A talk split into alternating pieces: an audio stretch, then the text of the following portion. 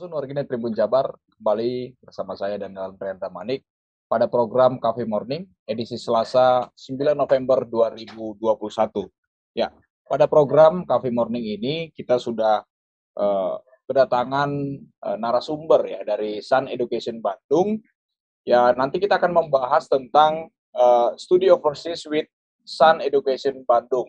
Telah hadir di tempat masing-masing ya di masa pandemi ini hadir di tempat masing-masing itu ada Mas Jogi Octavianus sebagai student advisor. Halo, selamat pagi, salam sehat. Halo, selamat pagi. Selamat pagi Mas Daniel. Oke.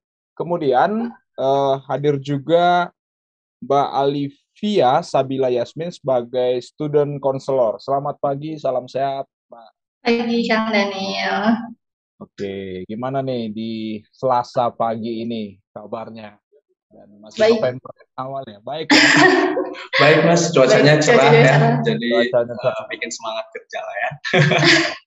Semoga sore menjelang malam sampai malam agak-agak ini ya sejuk supaya Amin. mungkin lebih lebih nyaman. Seimbang antara panas dan dinginnya gitu. Betul, setuju. Oke. Okay. Oke. Okay. Baik, Tribuners di pagi ini kita seperti yang sudah sampaikan di awal tadi, kita akan membahas tentang study overseas with Sun Education Bandung ya. Seperti apa dan apa sebenarnya yang uh, akan kita tanya-tanya nih kedua narasumber kita yang tentunya sangat berkompeten nanti untuk menjawab apakah Tribuners uh, memiliki keinginan untuk bersekolah atau uh, bekerja di luar negeri seperti apa nanti persyaratan-persyaratannya dan apa-apa aja yang harus dipenuhi ya uh, di program Kampus Morning ini akan kita uh, kupas secara tuntas keinginan-keinginan itu semoga bisa menjawab dan uh, Tribuners bisa menggapai cita-citanya untuk mendapatkan pendidikan di luar negeri. Oke, okay. uh, boleh nih uh, masnya atau mbaknya memperkenalkan diri lagi nih ya, memperkenalkan okay. diri dan sebenarnya dari apa sih dan di mana sih Sun Education ini okay. uh, tempatnya seperti itu. Silakan mbaknya atau mas. Oke, okay, oke. Okay. Uh, Kang Daniel, halo semuanya, selamat pagi. Senang sekali dari Sun Education hari ini dikasih kesempatan untuk bincang-bincang uh, nih sama Tribun Jabar ya. Memperkenalkan Sun kali ya. Jadi kalau saya seperti yang sudah saya bilang tadi sebelumnya saya Alivia sebagai student counselor dari Sun Education Bandung. Ini ada partner saya. Halo sobat Tribuners. Tribuners benar. Tribuners ya kan ya? Benar, Oke, okay, uh, saya Jogi Octavianus sebagai student advisor dari Sun English Bandung. Gitu. Oke. Okay. Okay. Mungkin kalau teman-teman ya. gimana? Boleh dijelaskan nih Kang, apa nih fungsi-fungsi dari Mbak dan Masnya ini fungsinya oh. apa sih sebenarnya gitu? Mungkin okay. Tribuners masih bingung nih, apa sih posisinya gitu? Oke, okay, jadi uh, aku jelasin mungkin dari Sun Education-nya dulu ya. Baik, mungkin buat teman-teman yang belum tahu Sun Education atau Kang Daniel juga mungkin belum tahu Sun Education gitu kan? Iya, belum tahu. Belum tahu gitu ya udah. ya, jadi Sun ini kita tuh uh, sebagai konsultan pendidikan ya. ke luar negeri. Eh, kita bisa bantu students untuk daftar kuliah ke luar negeri. Itu kita bisa bantu dari mulai proses pendaftarannya, lalu dari awal awal konsultasi, pendaftaran, lalu kita bantu untuk pengurusan kayak akomodasi, visa sampai keberangkatannya gitu. Nah, kebetulan kita juga partner sama lebih dari 350 institusi tersebar di sekitar kurang lebih 17 negara di seluruh dunia gitu. Nah, kalau misalnya saya sendiri sebagai uh, sebagai konselor ya tugasnya itu sebagai kita uh, bantu student sih maksudnya kayak kebanyakan kan student yang datang sama kita kayak belum tahu nih uh, negaranya kayak gimana, universitinya pilihannya apa aja, jurusannya kayak gimana gitu kurang lebih itu tugas aku yang pertama gitu jadi kayak menjelaskan lebih lanjut tentang university, tentang negara, tentang jurusan-jurusannya gitu. Nah kalau dari Jogi sendiri dia kan student advisor ini lebih ke bagian preparationnya. Gitu. Preparationnya gimana? Yes, Uh, jadi kalau misalnya saya itu um, membantu teman-teman yang ingin kuliah luar negeri karena memang salah satu persyaratan untuk kuliah luar negeri adalah uh, persyaratan kemampuan bahasa Inggris yang tentunya bisa dibuktikan melalui sertifikat. Uh, dan untuk nilai bahasa Inggris itu bermacam-macam. Uh, ada IELTS, ada TOEFL dan lain-lainnya juga. Dan jadinya uh, itulah yang saya bantu sebagai student advisor. Kurang lebih begitu Mas Daniel. Oke ya itu tadi ya Tribuners ya dijelaskan apa yang menjadi uh, penjelasan singkat ya, penjelasan singkat di awal tentang uh, Sun Education Bandung dan apa yang menjadi tugas-tugasnya dari uh, dari Mas Jogi, Jogi dan Alivia ya. Iya. Mbak Alivia. Uh, nanti mungkin Tribuners bisa lebih leluasa lagi ya mengetahui. Buat Tribuners yang masih penasaran tentang Sun Education ini, nanti bisa mencantumkan pertanyaan ya, pertanyaan-pertanyaan di kolom komentar karena tayangan ini live secara uh, live nanti di YouTube Tribun Jabar uh, video dan Facebook Tribun Jabar.id. Oke, okay, itu tadi uh, secara singkat ya Tribuners terkait dengan apa itu Sun Education dan apa yang menjadi tugas-tugas dari uh, kedua apa ya, kedua narasumber kita dari Sun Education ini. Oke, okay, baik. Uh, kalau untuk studi upload ya, kira-kira persiapannya apa aja sih dan dan kira-kira berapa lama sebenarnya? Oke. Okay. Mbaknya yang bisa jawab, silakan Mbak. Oke, okay. kalau untuk uh, studi luar negeri ya, kalau untuk dari segi persiapan sih sebenarnya uh, kalau bisa jangan mepet itu pertama. Uh, jadi kayak uh, klien kita kan sebenarnya banyaknya students students yang either mereka kelas 12 atau mungkin mereka lulusan sarjana mau lanjut master gitu kan. Nah, itu biasa spare waktu kalau misalnya mau daftar untuk student-student kayak kelas 12 itu mungkin I would say sekitar 6 bulan lah. As long as kalian udah punya kayak nilai kelas 12 semester 1, itu kalian udah bisa mulai pendaftaran ke luar negeri gitu. Nah, untuk persiapannya mungkin kayak e, dipersiapin kayak dokumen-dokumen ya. Yang pertama yang pasti dibutuhin itu paspor pasport studentsnya, lalu pas uh, kalau misalnya dibiayai oleh orang tua maka membutuhkan paspor dari orang tua. Lalu juga butuh kayak nilai rapot dan butuh juga uh, sertifikat IELTS atau IELTS atau TOEFL. Tapi kebanyakan kita pakainya IELTS sih karena kalau TOEFL biasa hanya diterima untuk negara kayak US gitu. Kalau IELTS itu lebih universal dari semua negara mereka banyak yang menerima gitu. Itu kalau untuk preparation untuk keluar negerinya. Jadi kalau misalnya untuk eh, anak-anak uh, yang S1 mau master mungkin ya, itu bisa start kayak mulai preparationnya sebenarnya dari semester akhir mereka tuh udah bisa sebenarnya. Cuman biasanya kalau misalnya untuk students bachelor ke master itu better mereka udah punya kayak transkripnya, transkrip final transkrip gitu. Ya. Lalu nanti kalau untuk ijazah itu bisa disusulin. Gitu. Jadi sampai mereka at least sampai sidang lah gitu itu mereka udah mulai bisa pendaftaran untuk studi ke luar negeri. Oke, baik. Tadi kan uh, Olivia menjelaskan bahwa uh, disarankan untuk uh, IELTS ya dan dibandingkan dengan TOEFL. Nah, hmm. sebenarnya siapa tahu nih dari Tribuners masih banyak bingung nih apa sih sebenarnya bedanya gitu ya? Apa sih sebenarnya perbedaannya? Boleh dijelaskan nih, mbaknya atau atau masnya yang jelaskan? Oh ya, mungkin boleh. Yang uh, perbedaan yang signifikan antara IELTS dan uh, TOEFL ini, silakan mas. Oh ya boleh, oke. Okay. Jadi barusan juga uh, Alif kan udah bilang kalau memang untuk beberapa negara itu ada kecenderung kecenderungan ya mas ya uh, untuk menerima uh, sertifikatnya. Nah, terutama yang, yang mau saya bilang adalah IELTS sama TOEFL itu bedanya adalah di uh, bidang yang mengeluarkan sertifikatnya. Sorry, badan maksudnya. Badan yang mengeluarkan sertifikatnya. Nah, kalau untuk IELTS itu memang mereka dikeluarkan oleh lembaga yang berbasis di UK atau uh, Britania Raya. Jadi memang untuk negara-negara seperti Australia, Inggris, Irlandia, dan persemakmurannya itu mereka lebih menerima IELTS. Dan juga seperti Singapura dan Malaysia juga. Um, jadi memang kalau dibilang cakupan IELTS ini diterimanya lebih luas ketimbang TOEFL. Ini kita jadi kedengaran kayak brand ambassadornya IELTS ya, tapi bukan, yeah. bukan gitu maksudnya ya. Memang, memang uh, faktanya seperti itu fakta lapangannya memang seperti itu. Nah, sedangkan kalau TOEFL memang mereka lebih populer untuk institusi yang ada di Amerika Serikat. Begitu itu untuk um, cakupannya. Nah, kalau untuk perbedaan berikutnya adalah tentunya kalau aku boleh lebih spesifik nih, teman-teman, itu di skill yang diujikan. Sebenarnya nggak terlalu beda jauh. Kalau untuk IELTS itu ada empat yang diujikan. Ada listening, reading, writing, dan speaking. Nah, yang perlu aku tekankan di sini adalah kebanyakan orang-orang tuh taunya TOEFL itu TOEFL ITP atau TOEFL yang uh, paper based yang biasanya sebenarnya dipakainya untuk institusi lokal aja. Uh, itu yang isinya listening, reading, sama uh, written structure expression. Nah, tiga itu. Nah, sayangnya um, untuk TOEFL yang jenis ini udah nggak bisa dipakai lagi ke luar negeri karena memang untuk skills produktifnya seperti writing dan speaking itu nggak kelihatan tuh dan nilai kemampuannya. Jadi untuk luar negeri untuk dari TOEFL yang dipakai adalah TOEFL IPT dengan skills yang juga sama listening, reading, writing dan speaking. Jadi untuk luar negeri itu bisa pakai IELTS atau TOEFL IPT yang sama-sama punya empat skills yang diujikan. Itu perbedaan yang paling generalnya sih. Dan untuk perbedaan yang TOEFL yang mana yang bisa dipakai ke luar negeri. Ya, ya itu tadi Tribuners ya untuk uh, perbedaan dari IELTS dan uh, TOEFL ya yang bisa disimak. Dan jangan khawatir ya tayangan ini juga akan uh, ditayangkan secara ulang lagi di dan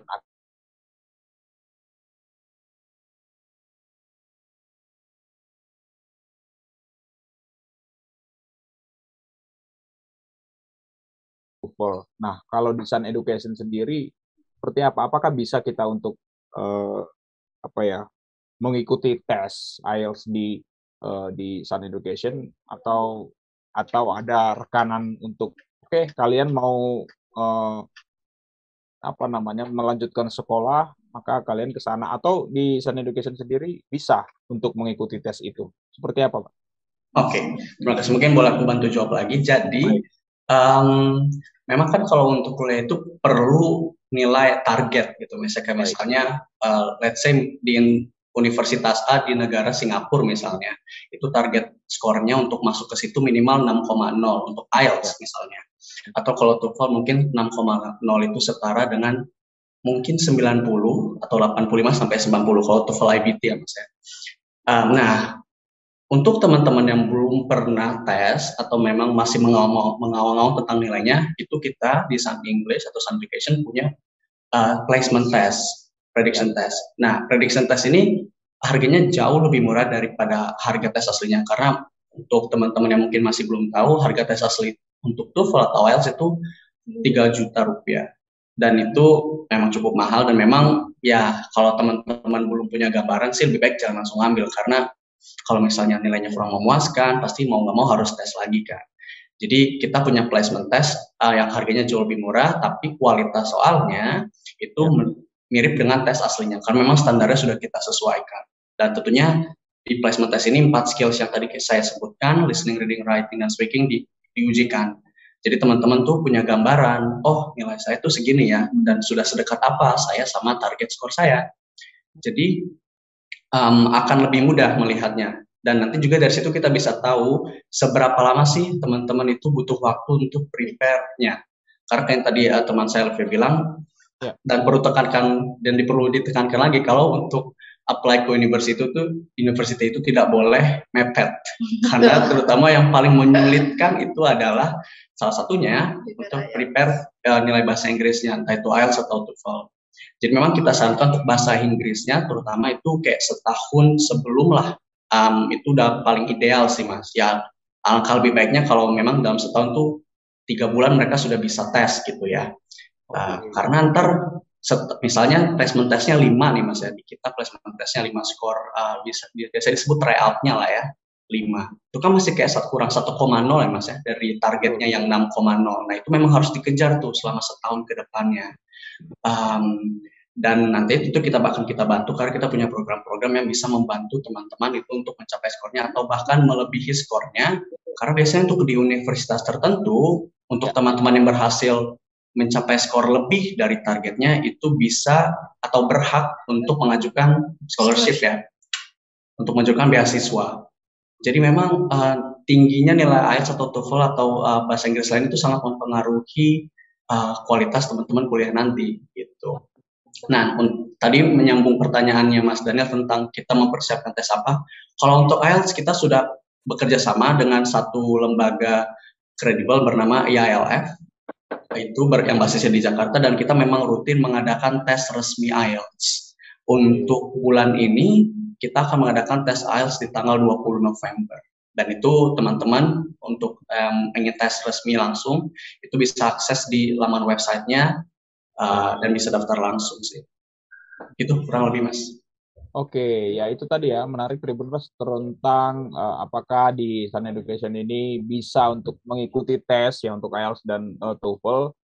uh, ternyata di Sun Education ini memiliki rekanan ya Mas ya tadi ya, betul sekali. yang yang kredibel uh, ya untuk yeah. untuk mengikuti uh, Sun Education ini uh, untuk untuk mengikuti IELTS di Sun Education maksudnya. Oke. Okay. Uh, biasanya nih kalau uh, tentang TOEFL dan uh, IELTS itu kan memiliki sertifikat. Nah, IELTS ini sebenarnya berapa lama sih sebenarnya masa berlaku sertifikatnya itu? Oh, oke. Okay. Jadi kalau untuk IELTS dan TOEFL ini keduanya itu sama-sama berlaku selama dua tahun semenjak tanggal tesnya. Jadi makanya tadi kayak uh, Alif udah bilang, memang setahun sampai enam bulan sebelum uh, mengumpulkan dokumen atau sebelum tanggal masuknya ya. Hmm. Misalnya contoh nih Mas Daniel mau lanjut S2, oh, Mas Daniel udah S2 ya? Belum, masih berencana. berencana ya Mas ya? Boleh kalau gitu nanti bisa hubungin saya ya. ya, siapa tahu ada ininya juga, potongannya juga lagi ya. ya betul sekali Mas, betul sekali, bisa banget. Mas. Silakan. Jadi misalkan misal Mas Daniel uh, kalau untuk S2 mungkin kalau S2 biasanya di bulan September, September ya. ya. Misal untuk di bulan September tahun 2022 alias hmm. tahun depan. Nah, bisa tuh dari sekarang uh, masih udah prepare. Hmm. Karena memang misalnya Mas prepare selama tiga bulan tes uh, awal Januari nanti berarti Januari 2022 itu sampai Januari 2024. Masih terlalu Uh, jadi kalau seandainya pun Mas Daniel sudah tes terus masih kayak, aduh, aku masih pengen nambahin skorku atau misalnya aku mau gap year dulu deh setahun mau kerja dulu. Karena biasanya kalau untuk S2 ntar mungkin bisa dijelasin sama temanku. S2 itu ada beberapa universitas yang untuk dapat scholarshipnya harus um, ada pengalaman kerja misalnya. Nah itu jadi bisa disesuaikan sama IELTS-nya. Jadi nggak mesti buru-buru. Tapi memang jangan terlalu cepat juga. Kayak misalnya um, kayak baru masuk kelas 11 gitu, tapi udah prepare IELTS-nya. Nah, itu nggak kita sarankan sih. Yeah. Kalau mungkin mau di kelas 11 mungkin di semester keduanya. Jadi biar masih berlaku uh, si sertifikatnya. Oke. Okay. Jadi uh, masa berlaku dari sertifikatnya Tribunus itu bisa berlaku sampai dua tahun. Dua ya. tahun. Jadi itu tadi yang disampaikan oleh uh, Pak Olivia juga bahwa proses dan tahapan-tahapan uh, itu membutuhkan waktu yang cukup panjang. Jadi jangan jangan mepet ya uh, ya Pak. jangan jangan mepet untuk uh, berdiskusi atau atau mencari informasi tentang perkuliahan perkuliahan atau apa pun ya yang mendukung tentang dunia pendidikan uh, khususnya untuk di luar negeri. Oke, okay. uh, berbicara tentang ini ini disediakan ya di Indonesia sekarang sudah banyak juga disediakan wadah untuk orang-orang yang memiliki impian untuk ber, ber, menuntut ilmu di luar negeri itu disediakan seperti Sun Education dan banyak mungkin lainnya ya sebenarnya apa sih Mbak ya apa Mas Mbak atau Mbak nanti yang bisa menjawab apa sih sebenarnya keunggulan atau keuntungan eh, jika seorang anak ya atau mungkin mungkin yang sudah dewasa juga mengenyam pendidikan itu di luar negeri silakan Oke, okay. kalau untuk keuntungan sebenarnya banyak ya. Uh, kalau dari generalnya kan teman-teman nanti kalau misalnya studi ke luar negeri bisa dapat yang namanya exposure, Cie, exposure kayak selebgram enggak deh. itu uh, exposure kayak culture, budaya. Jadi ya. teman-teman bakal kan kalau misalnya ke luar negeri itu misalnya university di luar negeri itu studentsnya nggak cuma dari student-students yang ada di negeri tersebut gitu tapi pasti uh, banyak juga international studentsnya tidak cuma dari Indonesia doang tapi dari berbagai negara nah uh, nanti uh, teman-teman otomatis bakal belajar kayak berbagai macam budayanya terus ada kebiasaannya gitu kan lalu udah gitu kalau selain si culture itu sebenarnya lebih ke kualitas pendidikan sih aku nggak bilang aku uh, I didn't say maksudnya gini ya aku nggak bilang kalau kualitas pendidikan Indonesia itu jelek bukan gitu ya. cuman hmm, kita masih negara berkembang gitu ya. Negara Baik. lain mungkin banyak yang udah maju kayak misalnya Australia uh, atau UK atau US atau Kanada yang lain-lain sebagainya itu uh, pendidikannya mungkin lebih maju juga gitu. Jadi kalau misalnya uh, apa namanya untuk segi kualitas pendidikan itu lebih jauh lebih baik gitu kan. Terus uh, ini melatih teman-teman juga kayak uh, untuk berpikiran lebih terbuka gitu. Karena kan kalau misalnya teman-teman kuliah di Indonesia ya ketemunya sama orang-orang Indonesia lagi. Pola pikirnya yang seperti itu itu lagi gitu kan. Kebiasaannya yang seperti itu itu lagi gitu. Beda kalau misalnya teman-teman ke luar negeri kan ketemu sama orang-orang luar negeri ketemu sama teman teman-teman luar negeri gitu. Mungkin bisa lebih mengasah kayak critical thinkingnya gitu kan. Terus uh, pola pikirnya. Dan yang utamanya juga teman-teman melatih teman-teman untuk mandiri sih gitu kan kayak kalau di Indonesia ibaratnya kalau mau makan teman-teman disediain makanannya sama mama sama papahnya gitu kan. Nyuci baju dicuciin.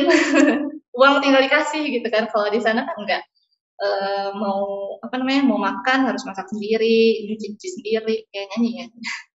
Makan makan sendiri nyuci nyuci sendiri terus apalagi ya e, uang juga mesti belajar awet-awet e, pengelolaan uang gitu kan.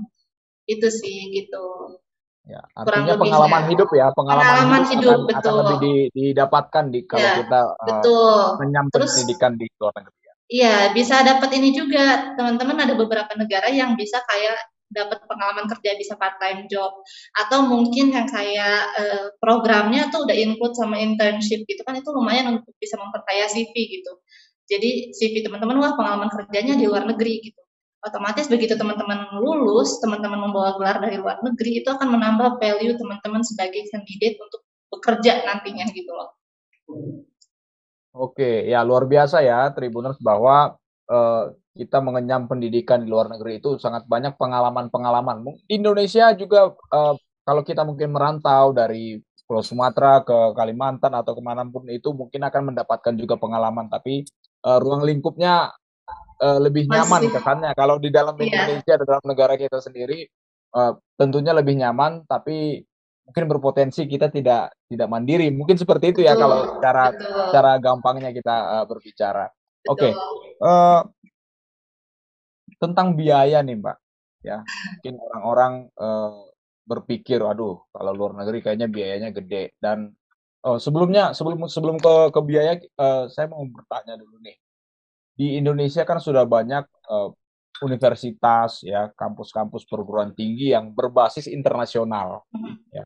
Apakah Sun Education ini juga mewadahi atau memfasilitasi untuk eh, anak-anak SMA yang akan berkuliah atau anak-anak SMP yang akan uh, mengenyam atau memilih pendidikan di Indonesia tapi yang sudah bertaraf internasional? Yang mungkin ya apa namanya ya ya persyaratan-persyaratannya sama seperti negara-negara pembuat sekolah itu gitu loh maksudnya. Apakah Sana Education ini juga mewadahi atau memfasilitasi buat Ini kayak contohnya kalau misalnya kayak ITB internasional gitu ya. ya.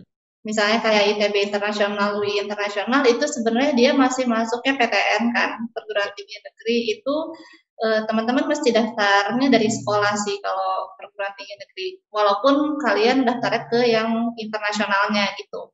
Tapi di Indonesia sendiri kita punya ada partnership yang kayak misalnya hmm, satu tahun di Indonesia, lalu nanti misalnya lanjut dua tahunnya di negara lain. Gitu. Jadi lebih ya. seperti pathway gitu.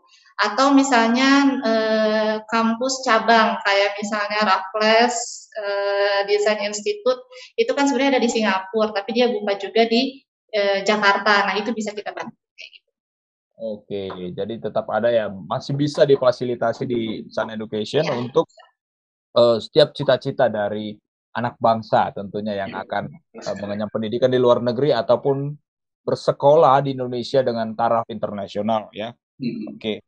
Nah, kita kembali ke masalah biaya nih. Ini mungkin yang paling ditunggu dari Tribuners ya. Mungkin aduh, luar negeri mahal atau seperti apa dan apa sih uh, sebagai solusinya untuk kalau perkuliahan yang mahal itu seperti apa sih? Apa kita harus part time di negara di negara tetangga atau seperti apa? Silakan.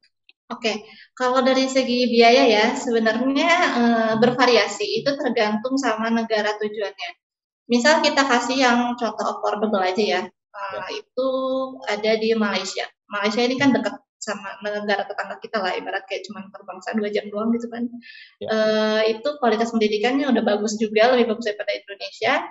Nah biaya kuliahnya ini uh, dia berkisar di 300 jutaan itu untuk tiga tahun studi kalau uh, undergraduate ya. Jadi karena kalau jadi nah ini ini uh, suatu kelebihan lagi sih. Jadi kalau saya belajar di luar negeri itu kuliah di luar negeri itu durasi studinya itu nggak kayak di Indonesia yang empat tahun gitu di sana tuh kayak cuman S1 tuh cuman tiga tahun, S2 tuh satu tahun sampai dua tahunan gitu kan. Kalau di sini kan udah pasti S1 empat tahun, S2 tuh dua tahun gitu. Jadi e, lebih cepat selesainya gitu. Nah, balik lagi contohnya tadi yang di Malaysia itu kalau untuk S1 uh, apa namanya?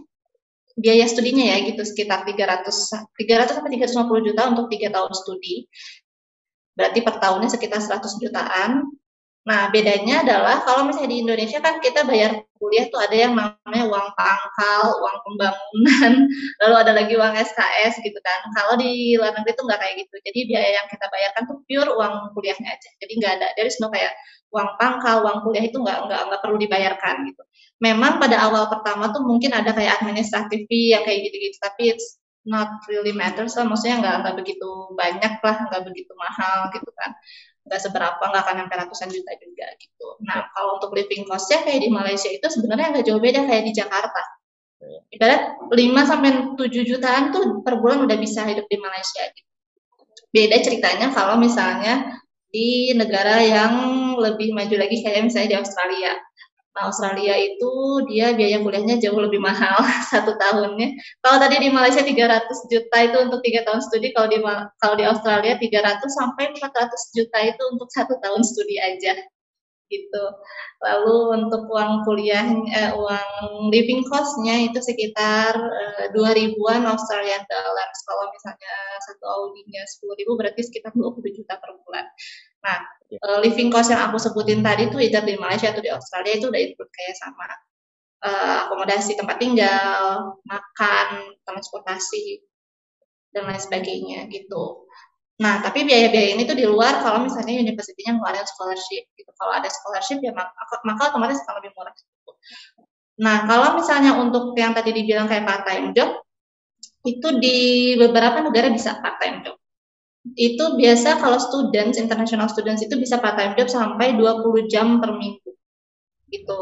Nah, itu dibayar juga yang namanya part time job pasti bakal dibayar gitu. Itu lumayan juga e, bisa untuk nambah uang jajan, uang living cost buat uang makan itu bisa gitu. Atau ada juga kayak misalnya teman-teman ngambil program yang ada cooperation study-nya. Kalau ada cooperation study-nya itu biasanya setiap tahun teman-teman akan ada kesempatan untuk kerja kayak di eh, apa ya perusahaan yang partner sama universitinya. Dan itu seperti paid internship gitu. Jadi dibayar eh, per tahunnya gitu. Pada saat cooperation education ini gitu. Gitu.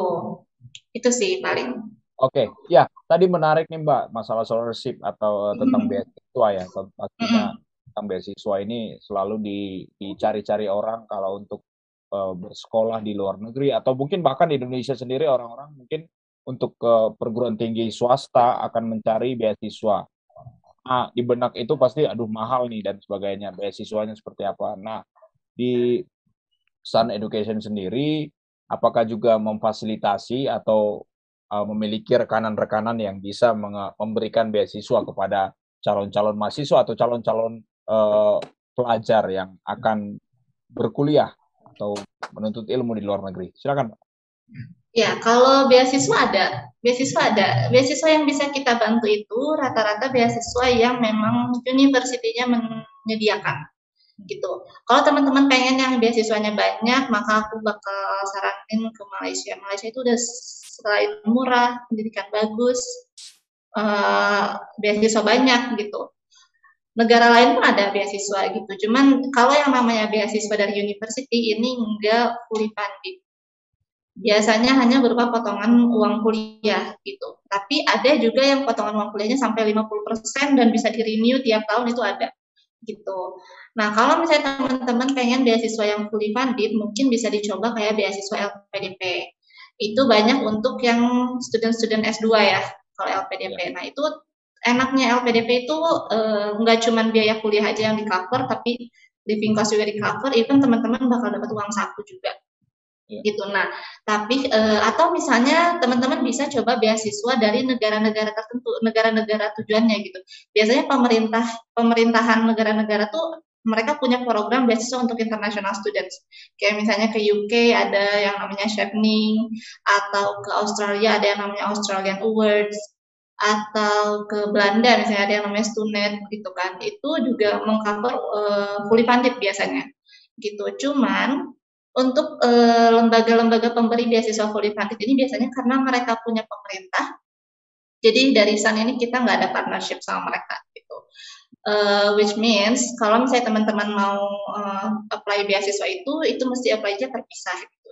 Jadi teman-teman apply untuk beasiswanya sendiri, nanti untuk kuliahnya tetap bisa kita bantu untuk aplikasi uh, ke universitinya gitu. Ya. Nah, uh, yang bisa kita bantu dari segi beasiswa ini adalah kalau misalnya teman-teman mau bikin kayak motivation letter, itu kan biasa pasti butuh ya motivation letter untuk beasiswa tuh. Itu bisa kita bantu kayak misalnya uh, mereka mungkin teman-teman kayak belum tahu kan motivation letter tuh constructionnya apa aja sih yang harus ditulis gitu kan. Itu bisa kita bantu karena kita juga udah lumayan ya banyak beberapa students. LPDP awardee juga kita banyak. Tahun ini kebetulan uh, udah ada juga yang berangkat penerima beasiswa LPDP yang ke universitinya dibantu sama kita itu bisa kita bantu untuk kayak uh, untuk penulisan motivation letternya, pengecekannya, grammatical checknya gitu. Terus kurangnya apa, lebihnya apa, kayak gitu-gitu. Itu paling. Oke, ya itu tadi Tribuners tentang uh, beasiswa-beasiswa dan biaya-biaya yang difasilitasi ya, yang yang akan nanti disarankan dari Sun Education bagi kalian yang mungkin uh, berniat atau bercita-cita untuk uh, berkuliah di luar negeri. Oke, uh, kita berbicara tentang masa-masa pandemi nih saat ini, masa-masa pandemi ya, khususnya dari atau untuk ber, berkuliah atau bersekolah di luar negeri, tentunya banyak sekali pertimbangan-pertimbangan dari calon-calon mahasiswa atau calon-calon pelajar yang uh, ingin berangkat ke luar negeri. Nah, yang menjadi pertanyaannya seperti apa sih di masa-masa pandemi ini semangat ya, semangat dari calon-calon peserta didik yang uh, akan berangkat ya apakah ada penurunan semangat ya uh, karena mungkin uh, kayak beberapa teman-teman sampai waktu yang tidak ditentukan akan di Indonesia dulu secara online dan sebagainya. Nah, seperti apa nih, Mbaknya atau Masnya semangat dari calon-calon peserta didik ini? Silakan. Ya, betul sekali karena betul yang tadi Kang Daniel bilang harus online dulu itu hmm. memang sih kalau menurut aku itu melihat dari tren tahun lalu ya tahun lalu tuh memang menurun drastis hmm.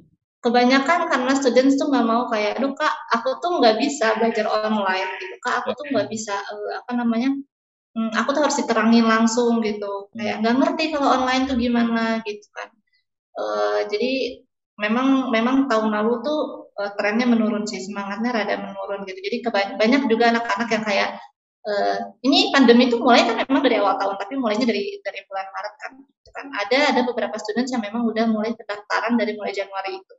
Ada juga yang kayak misalnya mereka tuh udah daftar nih dari awal. Terus udah kayak gitu pas tahu pandemi dan mereka nggak bisa berangkat, banyak juga yang kayak ya udahlah aku cancel aja gitu, aku mau di Indonesia aja kalau kayak gitu gitu. Terus orang tua juga banyak yang kayak ya kan saya pengennya nyekolahin anak saya ke luar negeri itu biar anak saya bisa berangkat gitu. Kalau misalnya di Indonesia mah ya udah aja di Indonesia biaya mahal gitu kan. Banyak yang kayak gitu gitu sih. E, dari untuk untuk apa namanya tapi memang perkuliahan bisa berlangsung cuman ya itu online gitu oke okay. baik uh, di masa-masa pandemi ya tadi kita uh, sudah bahas tentang bahwa adanya juga perkuliahan secara online ya perkuliahan secara online walaupun mungkin kita tidak bisa menutupi uh, kemungkinan ya tidak tidak kita tidak bisa kita pungkiri bahwa memang masih banyak tribuners yang mungkin menunda untuk berkuliah ke luar negeri karena uh, selain persyaratan-persyaratan IELTS dan uh, TOEFL itu mungkin saat ini adalah persyaratan vaksin, persyaratan karantina dan proses uh, berbagai proses untuk uh, mendukung apa ya protokol kesehatan di Indonesia maupun di negara tujuan. Nah,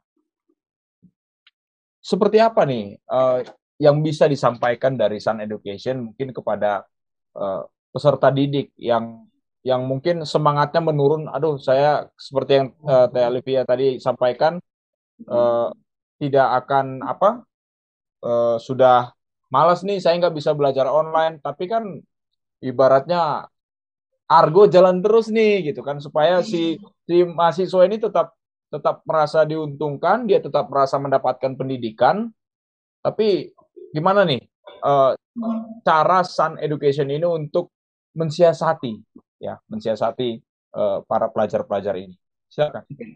Mungkin kalau untuk ini aku boleh uh, bantu jawab juga. Jadi Baik. kayak tadi temanku udah bilang ya Mas ya. ya memang uh, kalau dibandingin kalau sama tahun sekarang tuh bisa dibilang kayaknya semakin ke sini orang-orang tuh udah bisa semakin beradaptasi sama keadaan dan memang kalau kemarin uh, sorry kalau tadi Alif bilang tahun lalu itu orang-orang smart belajar turun itu benar banget karena memang kayak transisi dari offline ke offline itu kan sangat drastis ya mas ya apalagi notabene kuliah di luar negeri itu kan memang yang paling menjadi keuntungan adalah exposure-nya terhadap budayanya dan segala iya. macamnya kan mas saya juga males kalau misalnya harus terpaksa kuliah online gitu uh-huh. dengan apalagi mohon maaf biaya kuliahnya tetap sama yeah.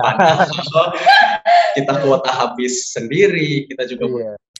internet yang proper dan sebagainya macamnya nah oh, makanya semenjak setahun terakhir mas ya kita udah kayak uh, pikir matang-matang bersama teman-teman kalau oke, okay, gak apa-apa kalau teman-teman seandainya mau menunda plan untuk mengumpulkan dokumen dan segala macamnya. Tapi yang harus teman-teman tekankan, uh, sorry teman-teman harus pahami adalah lebih baik mulai untuk mempersiapkan bahasa Inggrisnya dulu aja. Karena kayak yang tadi saya bilang, um, untuk mempersiapkan bahasa Inggris itu idealnya setahun sebelum kuliahnya.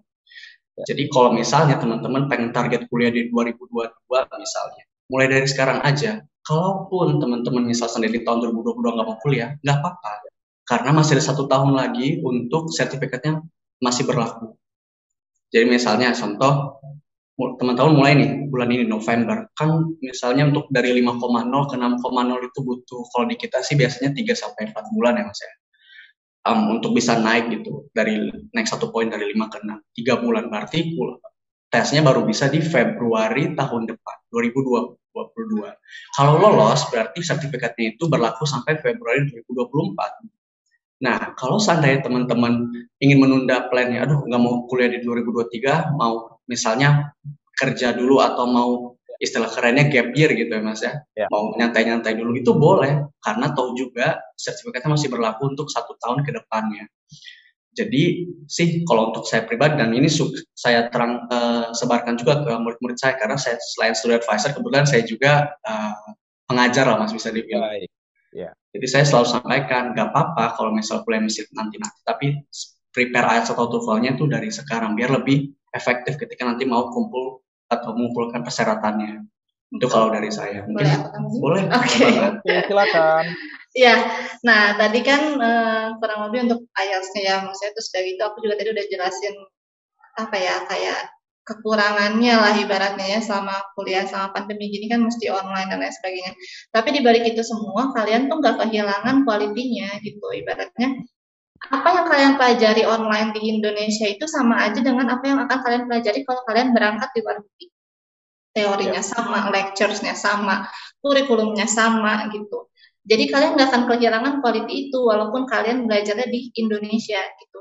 Ya. Ibaratnya kalau misalnya kalian kuliah luar negeri itu kalian yang nyamperin universitinya, gue mau belajar nih ke universitinya, gue mau belajar nih ke negaranya gitu kan. Kalian yang nyamperin ke sana, kalau sekarang tuh ibaratnya kayak universitinya yang bawain buat lu nih. Oke lu belajar di rumah gak apa-apa, universitinya yang gue bawa buat lu ke rumah gitu. Kayak eh, apa namanya? Uh, terus udah gitu kan uh, jadi bisa belajar online, lecturesnya sama. Ya kualitasnya nggak sama, pendidikannya sama gitu. Terus ibarat teman-teman mau nyari-nyari materi atau misalnya modul dan lain sebagainya pun library-nya even dari library pun dibawa online gitu. Ini lu mau cari apa aja semua ada gitu. Gitu. Terus uh, apa lagi ya? Uh, sama ini juga sih. Hmm, lagi ya? Nah, biasanya kalau misalnya university tahun lalu sih, kebetulan tahun lalu karena memang semuanya berdampak kan, semua negara berdampak. Terus banyak juga uh, students yang kayak protes karena kan studinya online doang tapi nggak bisa berangkat gitu kan. Akhirnya banyak juga university yang ngeluarin ya udah nggak apa-apa. Kalian study online nanti kita kasih potongan biaya kayak kita ke scholarship gitu kan.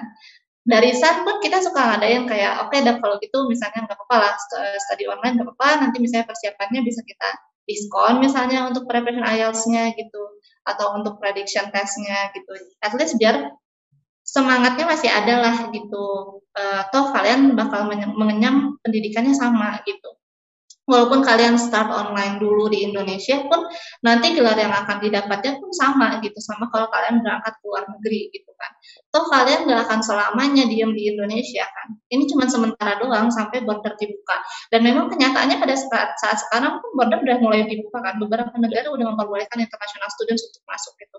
Jadi nggak ada salahnya kalau kalian start online dulu tuh nanti pun kalian bisa berangkat gitu gitu. Walaupun cuman e, misalnya harusnya tiga tahun di negaranya kalian jadi cuma dua tahun doang di negaranya tapi kan nggak apa-apa. Tuh kalian tetap bakal merasakan kualitas pendidikannya kalian tetap bakal dapat exposure-nya pun tetap bakal dapat at the end kalian bakal tetap dapat exposure-nya tetap bakal dapat uh, degree-nya gitu kan pengalamannya. Kayak gitu sih kalau menurutku. Terus kalau misalnya teman-teman kayak kebingungan aduh kak tapi kan kalau misalnya study online tuh ribet semuanya serba teknologi gitu kan. Pusing nggak ngerti kayak gitu kan enaknya lagi karena kalian masih di Indonesia tuh we're, we're still here gitu to help gitu kan. Kayak ya udah kalau misalnya pasti kan karena karena si universitinya ibaratnya bawa universitinya ke rumah masing-masing gitu kan. Mereka kan pasti kayak ada bikin yang namanya portal students portal university buat akses gitu. Nah kalau misalnya kalian ada gimana-gimana ada kenapa-kenapa sama portal kalian gitu itu kalian masih bisa reach out sama kita gitu.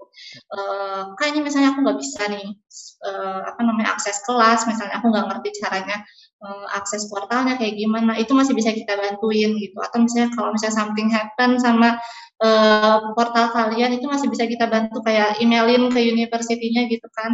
Ini tolong dibantu students kita gitu portalnya nggak bisa dibuka dan lain sebagainya itu masih bisa kita bantu. Beda cerita kalau misalnya kayak teman-teman udah berangkat kan kalau misalnya ada kejadian apa-apa pas di sana itu kita udah nggak bisa bantu. Teman-teman harus langsung ngurus sendiri di sana di university gitu sih enaknya. Oke okay. ya hmm. baik. Itu tadi Tribunal sudah dijelaskan cukup-cukup jelas dan sangat jelas ya. Dijelaskan oleh uh, kedua narasumber kita ini tentang seperti apa di masa-masa pandemi ini, khususnya yang bercita-cita bersekolah di luar negeri, bahwa memang ada kerugian-kerugian, tapi lebih rugi lagi kalau menunda ya, lebih, lebih rugi lagi kalau menunda, mengingat usia juga yang semakin bertambah, makin Betul. panjang, makin tua, jadi uh, alangkah baiknya langsung saja walaupun secara online tapi seperti yang disampaikan oleh kedua narasumber kita tadi bahwa uh, tetap mengalami dan dan bisa merasakan apa pengalaman-pengalaman yang di luar negeri. Mungkin satu tahun di Indonesia mungkin dua tahun berikutnya uh, di di sekolah atau di perguruan tinggi yang ada di negara tersebut. Nah seperti itu. Nah uh, tidak terasa nih kita sudah berbincang-bincang ya seputar uh, Sun Education ya khususnya untuk tribuners yang bercita-cita untuk berkuliah di luar negeri. Nah, untuk program-program yang di, ditawarkan atau program-program yang dilakukan uh, Sun Education setiap tahunnya itu seperti apa sih sebenarnya dan seperti apa kegiatan-kegiatan dan agenda-agenda waktu terdekat hmm. yang akan dilakukan oleh Sun Education. Silakan. Oke, jadi kita kebetulan ada agenda terdekat ini di tanggal 20 November. Ini kita ya. ada International Education Expo. Nah, nanti di sini kita bakal undang university partner kita yang mana nanti teman-teman bisa ikuti acara ini secara gratis, terbuka untuk umum, siapa pun bisa daftar. Dan nanti teman-teman punya kesempatan untuk eh, apa namanya? Ngobrol langsung sama perwakilan institusinya gitu. Nah, Edu International Education Expo ini biasa kita selenggarakan uh, setahun dua kali. Ada that, kita biasa sengadain kayak yang namanya info session sama university atau misalnya info session per negara gitu. Atau misalnya application day, application month gitu. Even IELTS juga kadang suka ngadain kayak workshop gitu ya atau simulation test gitu. Nah, terus untuk yang expo ini juga kita ada workshopnya juga ya? Oh iya, betul hmm. sekali. Jadi untuk tanggal 20 nanti, teman-teman, selain ada International Expo itu, kita uh, dari Sun Education Bandung akan mengadakan acara simulasi IELTS. Nah, teman-teman boleh banget ikut ini, uh, teman-teman Tribunas, karena acaranya gratis, itu dari jam 10 sampai uh, setengah satu siang. Ya. Um, rangkaian acaranya isinya apa aja? Jadi, di satu setengah jam pertama, itu nanti ada simulasi listening dan reading. Ini tentunya dilaksanakan secara online ya teman-teman. Jadi um, memang teman-teman um, bisa ikutlah dari mana aja, asalkan punya koneksi yang bagus, koneksi internet yang bagus tentunya. Okay. Uh, eh, itu di satu jam per, satu setengah jam pertama. Lalu di sejam terakhir nanti akan ada workshop dengan native speaker atau apa istilahnya ya penutur asli yang juga uh, penguji dari IELTS. Jadi benar-benar orang yang kredibel sekali di bidangnya. Uh, itu untuk satu jam terakhir. Jadi ya dijamin acara bakal berkualitas banget dan ini semuanya gratis. Jadi teman-teman tinggal daftar aja registrasi untuk link pendaftarannya bisa dilihat di Instagram kita Sanedu Bandung. Itu kita udah post uh, cara registrasinya sih. Betul. Nanti tinggal registrasi aja nanti teman-teman bakal dihubungi lagi sama konselor-konselor San ya untuk booking slot uh, sama misalnya workshop atau misalnya booking slot untuk sama universitinya untuk sesi one on one consultationnya gitu. Oke, nah apa nih keuntungannya dari mengikuti expo nanti atau setelah mendaftar sebelum tanggal 20 ini? Apakah ada mendapatkan hadiah atau uh, uh, apa namanya ya bingkisan-bingkisan uh, dari Sun Education atau seperti apa nih, Mbak? Oke, okay. oh, kalau untuk workshopnya, benar banget nih kayak uh, Mas Daniel cenayang ini ya. bener banget. Kalau untuk sesi yang workshop dua setengah jam itu, itu bakal ada hadiah berupa OVO cash. Nanti untuk nominalnya bisa dicari uh, tahu ya, untuk uh, tepatnya berapa nanti ketika itu. Jadi teman-teman nggak perlu khawatir, pasti akan menguntungkan juga. Selain menguntungkan dari sisi um, pengetahuannya, jadi teman-teman bisa tahu tanpa bayar untuk hmm. skor listening reading teman-teman itu berapa dan juga tentunya ada hadiah untuk Oke. Okay. Oh iya, sorry. Uh, yang belum aku sampaikan adalah untuk, nah ini juga mungkin bisa jadi berita bagus untuk teman-teman. Berita bagus dan untuk teman-teman yang ikut. Ya. ya, betul sekali mas. Um, untuk teman-teman yang juga mau, misalnya mempersiapkan nilai IELTS atau TOEFL-nya hmm. sama Sun Education Bandung, itu kalian bisa mendapatkan diskon tentunya. Uh, dan nanti itu pokoknya bisa untuk semua teman-teman yang ikut sesinya sampai selesai. Betul. Itu kurang lebih. Oke, okay. ya. Uh, ini nih terakhir dari mbaknya atau dari masnya juga ya. Jika ada orang nih yang penasaran atau pengen atau greget nih, aku harus datang nih ke ke Sun Education secara langsung. Malas nih live apa maksudnya secara online itu nggak mau nih gitu nih uh, apakah boleh kalau untuk sekedar berkonsultasi atau sekedar eh, tanya-tanya informasi tentang universitas yang ada di luar negeri, apakah boleh secara langsung datang ke Sun Education dan alamatnya di mana sih? Silakan. Oke, okay. boleh kok teman-teman. Jadi konsultasi sama kita ini free. Kalian mau datang, uh, jadi kalau kantor kita ini buka dari jam 9 sampai jam 6 maghrib hari Senin sampai Kamis. Kalau hari Minggu eh hari Senin sampai Jumat, kalau hari Sabtu itu buka sampai jam 2 siang. Nah, kalau teman-teman mau datang, boleh bisa langsung datang aja, nggak dipungut biaya. Teman-teman mau nanya apa aja silahkan. Mau berapa lama silahkan, konsultasinya gratis gitu. Atau kalau misalnya teman-teman e, masih takut nih untuk keluar gitu kan, keluar rumah, teman-teman bisa kayak telepon aja ke kantor SAN. E, nanti akan ada konselor kita yang pasti bakal assist teman-teman gitu. Dan teman-teman nggak perlu khawatir kalau misalnya datang ke kantor SAN karena semua staff di SAN ini udah fully vaccinated. Baik. Nah, alamatnya ada di Ruko Pascal Hyper Square, Blok C5. Oke, itu tadi ya Tribuners untuk uh, siapa yang penasaran atau yang uh, pengen banget nih datang ke Sun Education untuk mengetahui secara langsung atau pengen ketemu langsung dengan uh, tim dari Sun Education, silakan datang karena seperti yang disampaikan oleh Mbak Olivia tadi bahwa semua staffnya sudah full vaksin ya sudah full mendapatkan vaksin dan tentunya bagi tribuners yang akan datang tetap menerapkan protokol kesehatan tentunya ya. Betul. ya jangan jangan lengah dan jangan uh, ya jangan lengah untuk uh, menghadapi pandemi COVID-19 ini. Oke, terima kasih untuk waktunya dari tim Sun Education ada Kang Jogi Octavianus, dan ada Mbak Alivia, Mbak Alivia Sabila Yasmin ya. Terima kasih atas waktunya. Sehat selalu dan sukses selalu ya. buat Sun Education-nya. Terima kasih. Terima kasih juga Oke, sukses selalu. Ya, Oke, terima kasih demikian, Tribun. Demikian Tribuners, acara uh, Coffee Morning edisi Selasa 9 November 2021 bersama Sun Education Bandung. Ya, semoga apa yang disampaikan oleh kedua narasumber tadi bisa bermanfaat dan Uh, tayangan ini bisa disaksikan secara ulang oleh Tribuners atau siapa pun yang menyaksikan tayangan ini di Facebook, YouTube, dan Instagram Story Tribun Jabar. Oke, baik. Demikian program Coffee Morning pada saat ini. Tetap semangat, tetap jaga kesehatan, ya, khususnya di masa-masa pandemi ini. Tetap menerapkan protokol kesehatan minimal melakukan uh, 3M dan sampai saat ini sudah diterapkan lagi 6M. Jangan takut untuk divaksin dan tetap semangat. Saya Daniel Damani, sampai jumpa pada program berikutnya.